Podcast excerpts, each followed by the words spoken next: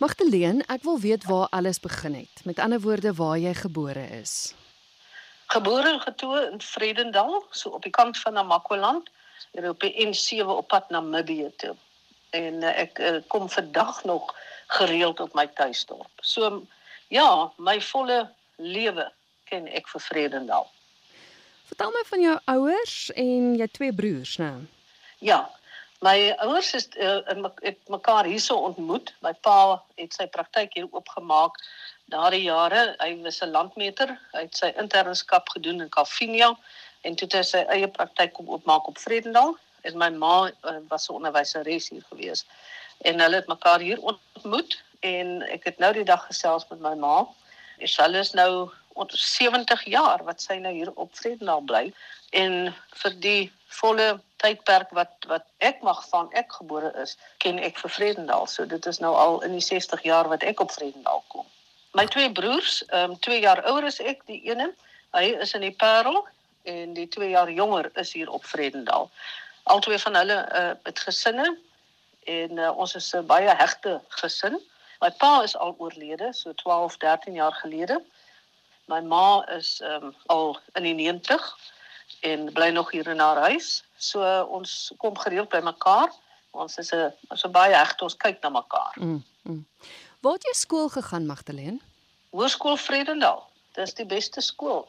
En jy weet wat interessant is, ehm um, mense het daar was op 'n tyd, ek weet nie of dit nog so is nie, ek is 'n bietjie uitvoering, maar daar het tyd geweet wat mense van die platte land af uh kinders as hulle hoërskool toe gaan na Bolandse skole toe stuur. Mm. Uh, die bekende Bolandse skole in die Parel en dan ook in uh, Paul Roos op Stellenbosch. Hier op Vredendal het 'n mens al die moontlike geleenthede gehad. Ek sou sê as 'n mens 'n spesifieke talent gehad het wat jy nie hier sou kon uitleef nie. Maar die hierdie skool het vir niks teruggestaan nie. Jy het miskien 'n kleiner vakkeuse en ook 'n kleiner keuse vir buitemuurse aktiwiteite maar uh, mense van hierdie skool het net so presteer in die latere lewe. Hmm. So dit is eintlik kry jy op 'n platlandse skool uh, baie meer ervaring, ondervinding, wye verskeidenheid van dinge, jy moet aan alles deelneem. Uh, jy neem ook aan alles deel. Jy's jy's behoorlik deel van die skool. Waar dit by 'n groot skool is, want ek het later onderwys gegee, skool gehou by 'n groot skool waar jy baie meer gespesialiseerd was. Dan is dit net in 'n spesifieke rigting wat ek kan deelneem. Platteland moet almal alles doen van die operette tot by die atletiek en ek was selfs ook by die atletiek gewees, kan jy dit glo? Wat het jy toe daarna gaan doen? Het jy gaan swat? Ek het ek het gaan studeer. Ehm um, ek het altyd gesê ek wil baie graag tale doen. En om een of ander rede was Xhosa een van die vakke wat ek baie graag wou doen. Ek weet nie hoekom nie want ek was nie in aanraking met die taal hier op Vredendal nie. Maar toe ek op Stellenbosch kom by die universiteit en ingeskryf het, het ek prosa in Afrikaans-Nederlands geneem en taalwetenskap en ek het met eh uh, prosa in Afrikaans-Nederlands deurgegaan en my graad gekry daarin. Maar in die agterkop toe ek op skool was nog, was daar altyd half 'n uh, gedagte gewees van ek sal nogal hou daarvan om by die draadloos te werk. En ek het altyd geglo dat 'n mens moet iewers met die politiek iets te doen hê as jy by die radio wil gaan werk. Want ek het belang gestel in die nuus en aktualiteit en daardie tipe programme. Maar aan die ander kant weer, onthou ook baie goed hoe ek gesê het ek sal nog baie graag kinderprogramme wil aanbied, Simbamba spesifiek, daardie tipe kinderprogramme. Ek het dit geluister en ek het altyd hier gesê ook as die onderwysers my gevra het, sê ek nie Simbamba Nou vandag is dit die laaste programme wat ek sal doen met kinders. Ek is nie agtergekom intussen. Ek is nie 'n geselstipe van omroeper nie. Ek is nie lief vir joernaalprogramme of onderhoude nie waar ek sommer net lekker met jou gesels nie in gehele al nie kindertjie programme nie. So ek weet nie waar ek daar aangekom het nie. Ek weet jy is baie lief daarvoor. Jy doen dit ook uitstekend maar ek moet my nie naby 'n kindertjie program sit nie. maar dis nou jy's wat ek wil vra oor die skool hou. Jy het vir 3 jaar skool gegee, né? Ek het vir 3 jaar skool gegee, ja. En toe is ek in Johannesburg toe en ek het by die ATKV gaan werk. Daar was 'n pos gewees wat te doen gehad het met klassieke musiek en met toneel kompetisies en dan ook spesifiek kampus toneel wat daar het begin het. En ek is baie lief vir die kunste.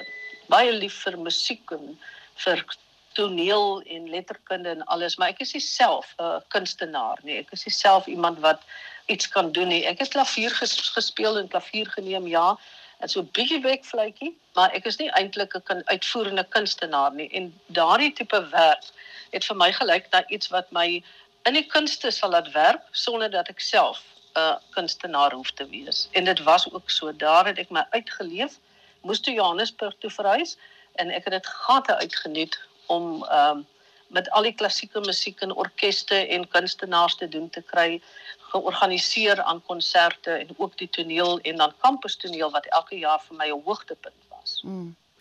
Toe gaan jy SAIK toe en interessant nogals toe het jy in die politieke nuus ingegaan soos wat jy gesê het jy gedink dit verwag word as jy SAIK toe moet gaan. Ja en, en deur die werk wat ek gedoen het in die uh, kunste in die uitvoerende kunste, die opera en die klassieke musiek en die toneel, het ek baie in aanraking gekom met mense by die SAIK. Hmm. Omdat ek daar met die klassieke musiek diskoteek gewerk het en met die fonoteek gewerk het en konserte gereël het met die mense wat die instrumente vir die orkeste, vir die simfonieorkeste uh vir jou moet uithuur of uh, beskikbaar stel ook in daai tyd het die SAIK nog 'n uh, volledige klassieke musiek wat soos hulle genoem het ernstige musiek departement gehad. Benny Buurman was die hoof gewees daar in die tyd wat ek nou met hulle te doen gehad het, Christina Otto. En ehm uh, mense het, het baie van daai regisseurs mee saamgewerk wanneer daar opnames gemaak is in die verskillende streke, kompetisieopnames van in, instrumentaliste en sangers uh in die semifinaal en die finaal. So ek het baie te doen gekry met die SAIK en daardie kunste deel en dan ook baie keer onderhoude moes doen vir van die konserte en aktiwiteite. Mm. En dis daar waar ek toe te doen gekry het met die mense van Monitor en Spectrum van destyds. Mm. So het ek hulle maar leer ken en ek onthou ek was eendag by 'n funksie gewees en toe was die destydse uitvoerende regisseur en senior regisseur ook by die funksie en ek het hulle geken ook vooraf en ek was weer soos altyd maar krities geweest oor onderhoudvoering in nuus en en uh, aktualiteit. En toe 'n paar weke daarna toe bel een van hulle vir my en sê nou maar goed, jy is nou krities gewees hieroor. Hier is nou 'n vakature, jy ehm um, sien jy kans is jy lus om hier te kom werk. En toe ek die geleentheid aangegryp, was maar 'n bietjie skrikkerig want dit was maar altyd maklik om in die leunstoel te sit of die beste stuurman staan al laag. En toe mhm. moet ek nou daar gaan werk en ek het geen journalistieke agtergrond nie uh ek het net ook later agtergekom dis nie noodwendig nodig om in die journalistiek te studeer nie. Jy moet 'n aanvoeling hê daarvoor en 'n belangstelling hê in algemene kennis en algemene sake. Dan kan 'n mens hierdie dinge doen. Jy gaan leer net eenvoudig die uh journalistieke kodes aan as jy die aanvoeling reeds het daarvoor. Hmm. Ja, en toe ek daar gaan werk en ek het begin as 'n verslaggewer eers by die nuuskantoor uitgegaan met 'n bandmasjien. Ek onthou ek 'n oud kollega Herman Steyn dat ons nie weet hoe werk die bandmasjien nie. Maar ons het nie vir mense gesê nie. Ons moes maar gaan en dan sit ons iewers op 'n sypaadjie en toets. En dan kom ons by uh, iemand by 'n onderhoud en dan is daar 'n horlosie wat raas en dan sê ons nee, dit moet absolute stilte wees. Weet ons het nog vir Johannesburg se burgemeester gesê dit was Ernie Faber of nee asseblief die uh, ou grandpa oorlosie wat daar staan sal stil maak nie. nou vandag soek 'n mens daardie byklanke. Ja. So so het ek dit geleer en daarvan af is ek nou na van verslaggewing en nuus skryf is ek toe gou na regisseur by die aktualiteitsprogramme waar ek eintlik ehm uh, wou wees en waar my belangstelling eintlik is. Eers regisseur en toe redakteur en toe het ek later by die programme deel beland. Ehm um, Sarah Meiburg was destyds die stasiebestuurder en hulle wou 'n uh, eh, so ons nou maar sal sê talk show 'n nuusgerigte of 'n aktualiteitsgerigte besprekingsdebatprogram begin op 'n middag donderdagmiddag van alle tye. En toe het hulle vir my gevra of ek nie dit sal begin nie. En dit is toe rekenskap genoem en dit was elke donderdagmiddag net na die 3 uur nuus tot 4 uur. En daar het ek toe nou vir my uitgeleef in dit wat ek belangstel die politiek die aktualiteit die staatkunde die uh filosofie en al daardie tipe van dinge. Dink jy omdat jy alles gedoen het en alles kon doen en in al die verskillende velde by die SAIK gewerk het dat dit jou 'n goeie stasiebestuurder gemaak het? omdat jy die werk verstaan het? Wel, dit is baie moeilik om vir jou reguit op jou vraag te antwoord want wat is 'n goeie stasiebestuurder? Elkeen het sy eie uitdagings. Maar ek dink in die bedryf waar ons was in die verlede, radio spesifiek of televisie, dit is 'n spesifieke vaardigheid wat jy moet aanleer. Jy moet 'n uh, aanvoeling hê vir dit wat in die wêreld om jou aangaan. Jy moet 'n geweldige bo-gemiddelde belangstelling hê in die ehm um, wêreldgebeure uh, algemene kennis hê. Jy moet wyd lees en jy moet van die kunste tot die politiek tot die wetenskap tot die godsdiens en die ekonomie. Van alles moet jy moet jy ietsie weet. En dan is jou belangstelling mos nou in sekere terreine. Maar ek dink die feit dat 'n mens met die met die vak, die vakgebied of die tegniese gebied of die terrein van uitsaai, die feit dat 'n mens van begin af kommandeer alles gewerk het, maak dit vir 'n mens makliker. As jy dan in 'n posisie kom waar jy in die birokrasie is, waar jy nou stasiebestuurder word en jy verstaan die hele kan 'n mens maar sê 'n uh, lyn wat gevolg moet word. Jy jy weet wanneer iemand praat van 'n dokumentêre program of hoe hmm. moeilik dit is om hierdie te redigeer of uh jy sukkel om kontak te kry met met so en so 'n gas, maar ook ook die die, die tegnologie en ook die tegniese dinge in die ateljee. Ek dink tog ja, definitief het ek 'n voordeel gehad en ek is bevoorreg geweest om daardie voordeel te kon hê dat ek deur alles gekom het tot tot by stasiebestuurder waar 'n mens dan 'n bietjie meer insig kon hê. Nie dat 'n mens altyd 'n bietjie meer genade gewees het nie.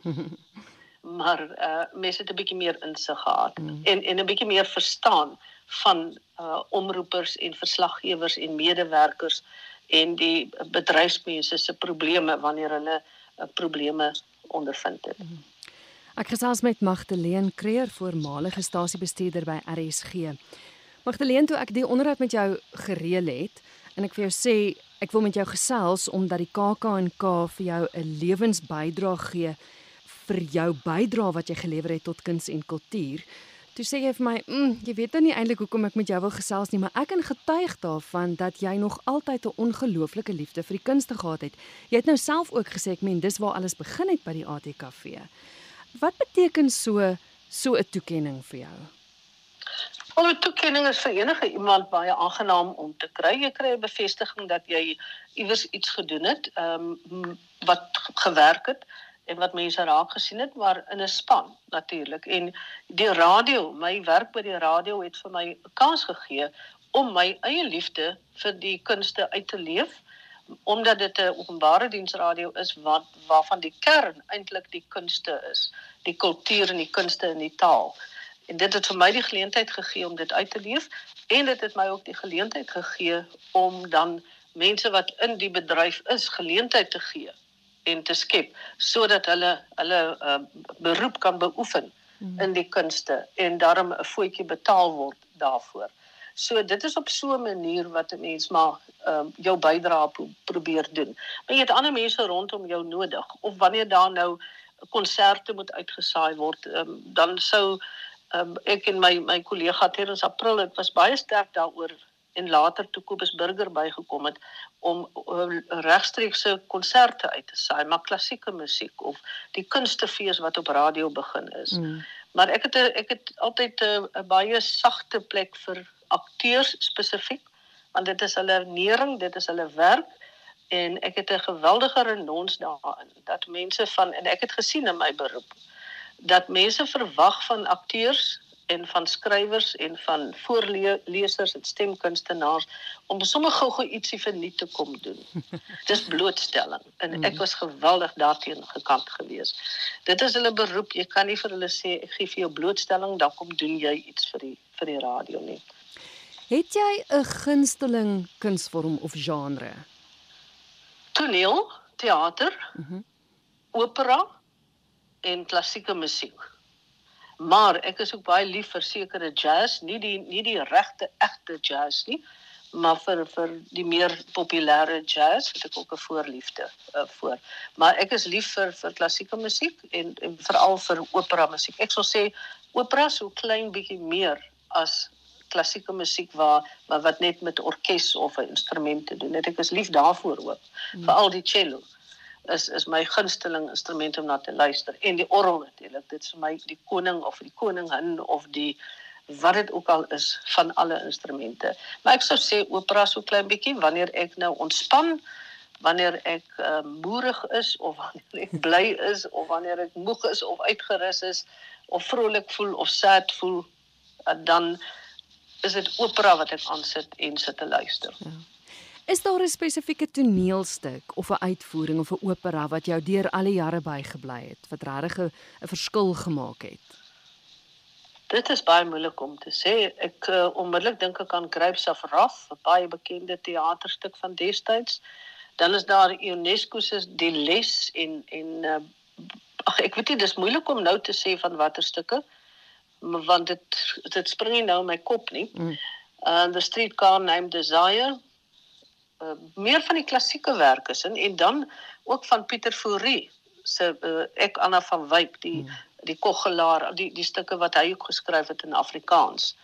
En dan wat opera aanbetref onthou ek my heel eerste opera wat ek weer kennis gemaak het was op hoërskool en dit was by die ou destyds in die Komaland teater in die Kaap en dit was Lucia die Lammermoor met Guy Korsten en Nelly de Tooy in die rolle. En die tweede opera wat ek gesien het was Rigoletto met Hans van Heerden uh, in die rol van die boggelrug nar.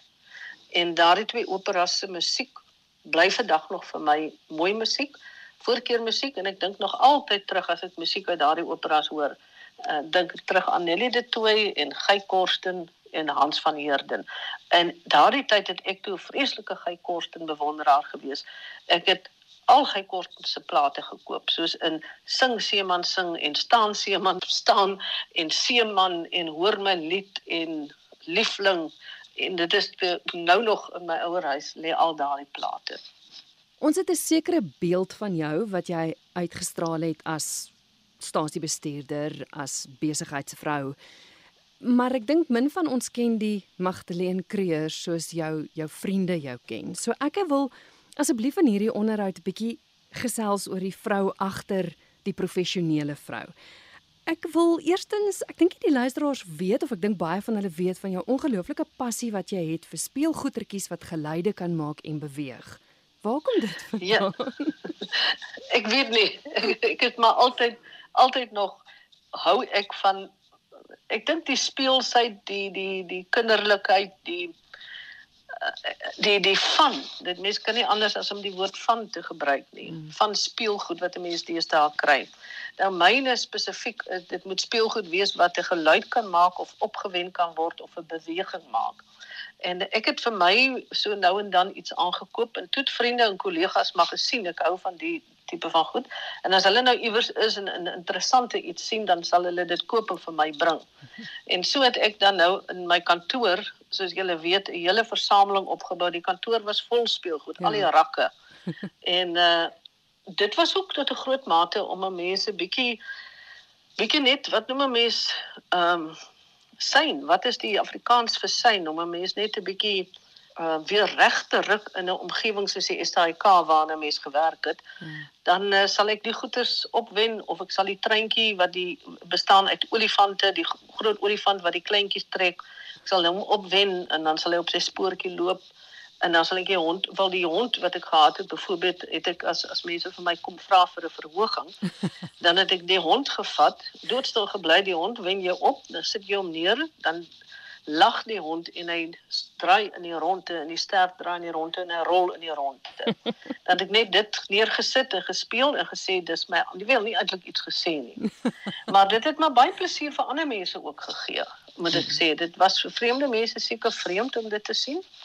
Maar ek het daarvan gehou. Dit was vir my ek het ek het byvoorbeeld dit in 'n boks gepak toe ek nou getrek het uit Johannesburg uit. Alles in 'n boks gepak en dit het saamgekom met die trek. Hmm. Hmm. En iewers gaan dit weer in my huis of in my kantoor of waar ook al gaan dit weer plek kry. Daar's 'n paar wat nou 'n bietjie herstelwerk nodig het. Die kat uh, is besig om los te torring en die volstryse batterye is pap. So uh, ek sal 'n bietjie herstelwerk moet doen. so gepraat van kat. Ek verneem jy was aanvanklik nie eintlik 'n troeteldiermens gewees nie, maar dit het verander. Dit het baie beslis verander. Nie dat ek teen troeteldiere was nie, ek het net nooit dit het net nie ingepas by my leefstyl nie. Hmm. Uh mens moet kyk na troeteldiere en ek het baie rondgereis. En uh my bure het 'n gemmerkat gehad. En die kat het baie by my gekom en ek het later lief geraak vir die kat. Die kat het baie keer daar geslaap in die aand dat ek net vir die bure laat weet. En toe trek die bure weg. Dit was in die jaar van die Wêreldbeker, Sokker Wêreldbeker 2010. Onthou ek baie goed. En toe mis ek die gemmerkat. En toe besluit ek ek gaan nou vir my ook een kry. Toe het ek baie rondgery en agtergekom die dierebeskermingsverenigings het nie almal sommer altyd katte, klein katjies beskikbaar nie. Hmm. En op ek het toe enige gekry deur in die groot verre weste van Kreersdorp. En toe het ek nou die boks gevat en gaan neersit tussen 'n klomp klein katjies vir die spesifieke grys bontetjie wat ek wou hê. En die grys bontetjie het ek in die boks gesit en die volgende oomblik toe spring so 'n klein swartetjie ook in. En toe sê ek ag, los maar die swartetjie in. En so het my lewe begin met twee klein katjies wat ek nie weet hoe sorg 'n mens vir katte nie, maar jy kom baie gou uh, daarin. En vandag is ek 'n vreeslike katliefhebber. Eintlik enige troeteldier uh, en en dit is baie keer my dis vriende wat honde en katte gehad het wat vir my lief gemaak het vir honde katte as ek sien hoe hulle hulle honde en katte geniet. Mm. En ek geniet my katte. Ek het intussen die die uh, een katjie wat na my ma vernoem is, Katarina, is oorlede. Sy het kanker gekry 2 jaar terug en dit het ek vir Sofia gekry. So ek het nou vir Kitty wat 12 jaar oud is, wat van die sokker wêreldbeker afkom en dan het ek vir Sofia wat 2 jaar oud is. Oh. Ek verneem ook jy is 'n baie goeie bakster. Ek sal nie sê goed nie, maar ek ek kan nogal bak. As ek nou regtig wil. Ek hou nie van kos maak nie. Hm. Uh partykeer sal ek vir mense sê kom eet by my, maar ek is dis nie vir my lekker om kos te maak nie. Dit sê my ma vir my dis nou in nie, nie baie mooi manier om vir mense te nooi nie. Maar uh ek is baie lief vir bak. Ek bak graag beskuit en ek bak ehm um, nie koeke nie, ek maak graag terte. Mm. En dan maak ek ook ja, enige enige terte of so iets van daardie. So ja, ek is lief vir bak en dis iets wat ek vandat ek afgetree het besluit het, dis op my lysie. Ek wil nou eintlik baie meer in die kombuis uh, wees, soos 'n regte regte goeie Afrikaanse tannie betam kaalvoet in die kombuis voor die stoof en voor die wasbak. Magdalene, ek verstaan jy hou ook van tuin maak. Ek hou daarvan ja. Ek het net baie lank lank uh, regtig my naels in die tuin kon insit. Ek het baie graag tuin gemaak en ek het tyd gehad en ek wil amper sê ek het die mooiste tuin daar in die omgewing gehad as ek so verwaand kan wees. Maar dan het hy nou maar so met verloop van tyd wat ek nie my hand op die tuin hou nie, baie weg was of lang ure werk en dan maar net aan die gang gehou. Maar ek gaan weer wanneer ek nou 'n tuintjie het, sal ek weer begin om tuin te maak. Ek is lief daarvoor. Ek ken nie baie verskeidenheid van plante nie, maar mense het mos nou maar jou plante waarvoor jy lief is, soos 'n malva wat altyd in my tuin moet wees. En dan moet altyd 'n Kersroos wees, en dan moet altyd 'n yesterday today and tomorrow wees en daarvan af sal ek dan die ander goeders rondom dit werk. Hmm. En ek verstaan daar's een groot liefde in jou lewe. Jou stofsuier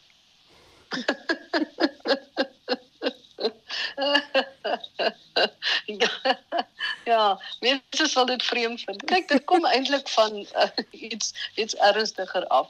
Ehm um, ek is baie behep met skoonmaak en netjies maak. Hmm. Ehm um, ek ek sal nie byvoorbeeld hou daarvan om soos ek net o gesê het, ek hou nie van kos maak nie.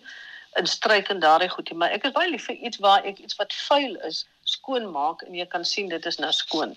So 'n skrobborsel en 'n uh, handy handy en 'n sponsie en ek op die grond in 'n vloer was, dit maak my gelukkig. Ek weet dit is vreemd vir mense en dan met my stofsuier werk.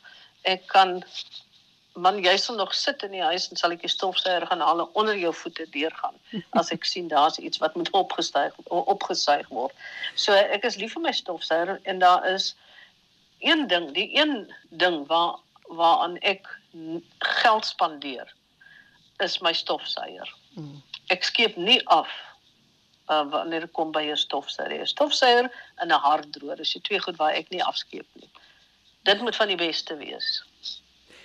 Jy het hier afgetree en ek kan nie glo dis al 2 jaar nie. Toe jy in 'n persvrystelling gesê as jy afgetree het, wil jy jou eerste trui brei. Jy wil tik sonder om te kyk op die sleutelbord en jy wil 'n backflytjie bemeester. Het jy daai drie goed gedoen in die 2 jaar wat jy nou al afgetree het? Nee, want ek is nog maar net 2 jaar afgetree en ek het nog nie tyd gehad daarvoor nie. Jy weet dit is nou verstommend hoe 2 jaar verbygevlieg het en ja. ek gesien het hoe besig ek bly en maar nie tyd gehad om by al hierdie goed te kom nie. Maar wat die trui betref, ek het begin en toe sien ek ek het 'n bietjie hoog geskiet om uh as beginner met 'n trui te begin wat knoopsgate en 'n 'n opening bo en moue goed moet kry. en toe het ek verander in die wol gebruik en uh, begin om blokke te brei vir 'n kniekombersie hmm. of vir 'n kombersie vir my katte. So ek het toe daardie blokke gebrei. Ehm um, ek het nou 12 van die 15 blokke wat klaar is. Dis groot blokke. Dis nie sommer net klein blokkies nie. En uh ek is verskriklik om my skik. Ek is mal oor brei. Ek geniet dit verskriklik baie om te brei. Ek het nie geweet dit is so lekker nie. Maar ek moet vir jou sê die heel eerste blok en die tweede blok en dan die blokke wat ek laaste ge, gebrei het. As ek hulle bymekaar sit, hulle het presies, ek kan vir jou sê, hulle het 79 steke en hulle het 49 rye. So, so dubbel ry, eintlik dubbel. Maar die eerste blok lyk na 'n groot vierkantige blok van 1 by 1 in vergelyking met die ander blokke. So hy's 'n bietjie los gebrei.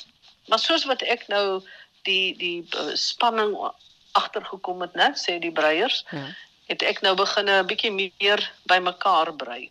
So daai blok het ek nou, nou gedink as hulle nou mekaar gewerk word, sal ek hom so 'n bietjie indruk of laat krimp of iets, want hy gaan bietjie te groot wees. Maar dit dien ook eintlik as 'n bewys dat daar het ek begin en kyk by watter pragtige blok het ek by blok 15 geëindig. Perfek.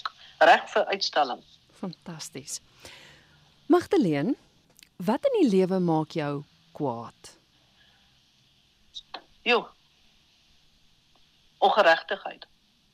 Oneerlikheid en ongeregtigheid. Dit dit hou ek niks van nie. En dit maak my kwaad. Hmm. Wat maak jou bang? Dit maak my bang as ons gaan kom by 'n punt waar niemand meer vir niemand se lewe omgee nie. En niemand meer vir die ander ene help of iets doen nie of dit nou die gesondheidsdienste is wat nie meer vir jou wil help by die hospitaal nie of die polisie wat nie meer wil uitkom nie en of dit nou mense in jou vriende of of familiekring is wat nie meer help en, en as jy nie vir iemand help nie dit maak vir my bang dat ons so gaan raak dat ons net eenvoudig nie meer omgee vir wat met mense gebeur nie en in effek net nie meer omgee of mense lewe of doodgaan nie. So. Is daar enigiets in jou lewe waaroor jy spyt is? Nee, ek het nie nee, ek het nie, ek kan nie sê dat ek um, oor iets spyt is nie. Ek het 'n ongelooflike bevoordeelde lewe. Ek het 'n wonderlike kinderlewe gehad in 'n baie bevoordeelde omgewing, skoolomgewing daarna. Ek kan regtig sê ek het nog nooit swaar gekry in my lewe nie. Ek het nog nooit teenspoed ervaar in my lewe nie. En uh, partykeer dan dan voel mense sien nee, dit dit klink eintlik te ongelooflik. Ehm um, moet 'n mensie maar iewers iets wat nie lekker loop vir jou nie. So nee, ek het oor ek is oor niks spyt nie. My lewe het geloop soos wat hy geloop het en ek het elke oomblik geniet. Ek het alles geniet, privaat lewe, werkslewe, alles. Hmm. Ek is ek is 100% tevrede. So laaste vraag, jou vriende maak jou uit as 'n baie loyale vriendin. Hulle sê dikwels as dinge nie lekker is by die huis nie of een van hulle siek, dan sal jy met 'n blommetjie daar aankom of gebak. Hoe sal jy onthou wil word?